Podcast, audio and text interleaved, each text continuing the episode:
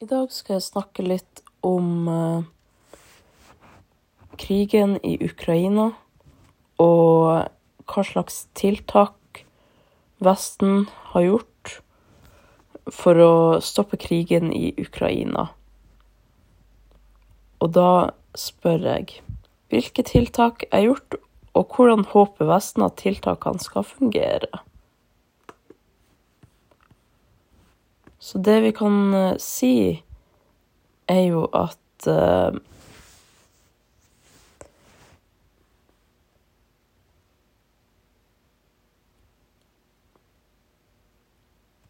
Er at uh, sanksjonene rammer veldig raskt og er veldig koordinert.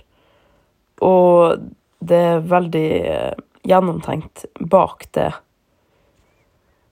Så som alle vet, så har Russland invadert Ukraina. Og som følge av det så har flere land innført masse strenge sanksjoner mot Russland. Og håpet er da å presse ut russerne til å trekke seg tilbake. Og sånne reaksjoner har jo vært vanlig i forbindelse med mange kriger og uenigheter tidligere. Derfor prøvde de på det nå. Det ble f.eks. også innført flere sanksjoner mot Russland da de prøvde å ta over Krim-halvøya i 2014. Men uh, greia er at de sanksjonene det berører ikke Putin og maktapparatet direkte. Uh,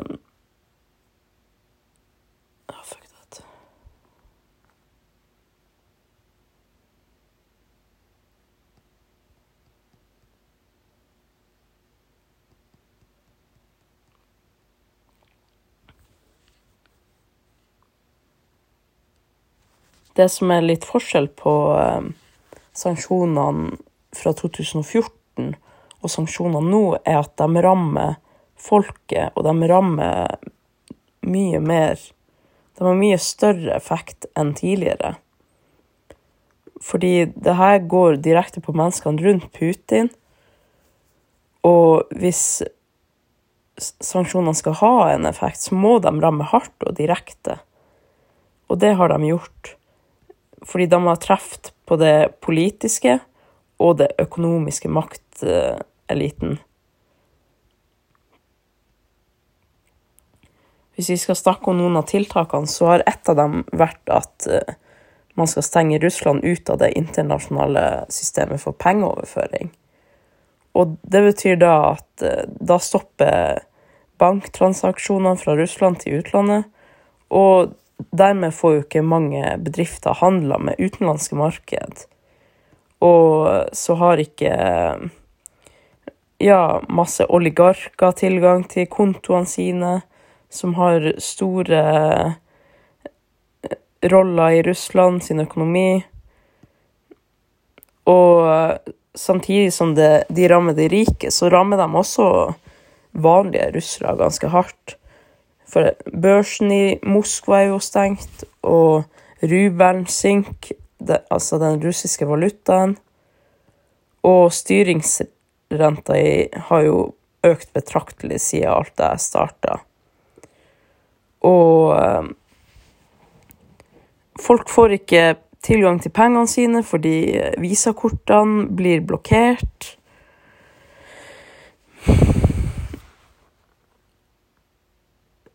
Så hva gjør man?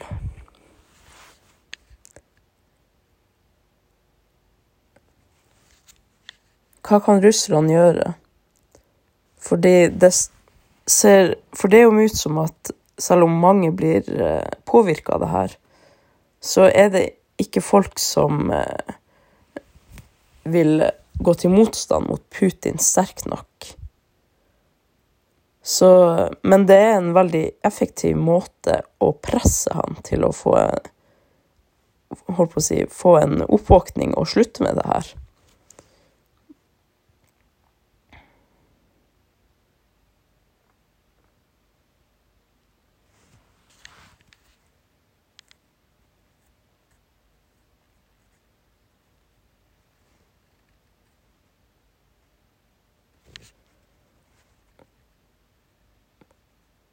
En annen ting er at alle de her sanksjonene, de rammer jo ikke bare Russland.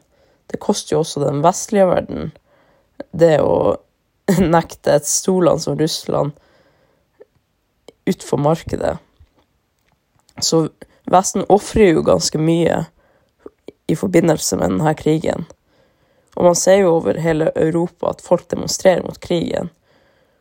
Og det her gjør jo sånn at europeiske ledere klarer å være tøffere i avgjørelsen sin, fordi du får støtte fra folket, selv om sanksjonene også rammer oss økonomisk.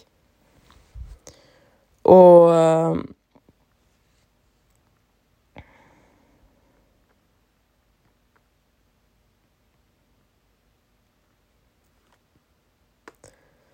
Så det basice spørsmålet, det store spørsmålet, er hvordan det her vil påvirke Putin og resten av maktapparatet i Russland. Uh,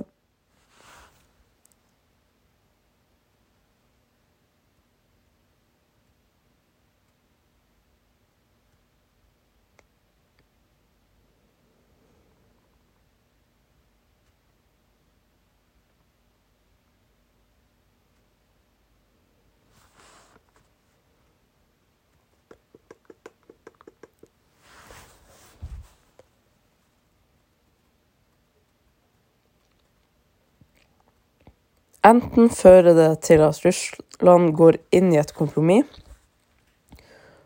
selv om det ikke er noe tegn på det per nå.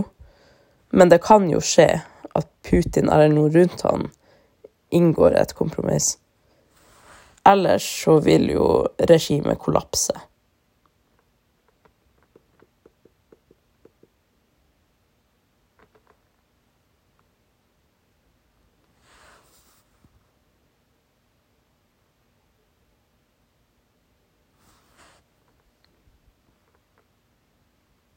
Det er jo også noen veldig alvorlige konsekvenser med Selv om sanksjonene fungerer. Eh, noe som er litt sånn urolig, er jo at sanksjonene setter Russland i en ekstremt svekka posisjon på kort tid. Og det har jo en veldig direkte effekt på staten sin evne til å forsvare seg sjøl og angripe andre på. Og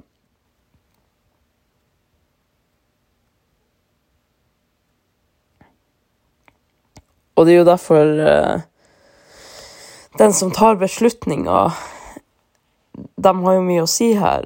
Og Putin foretrekker jo Når han blir pressa, så foretrekker han jo å eskalere seg ut av konflikter. Så vi får jo håpe at det er det han gjør i enden av dette her. Takk for meg.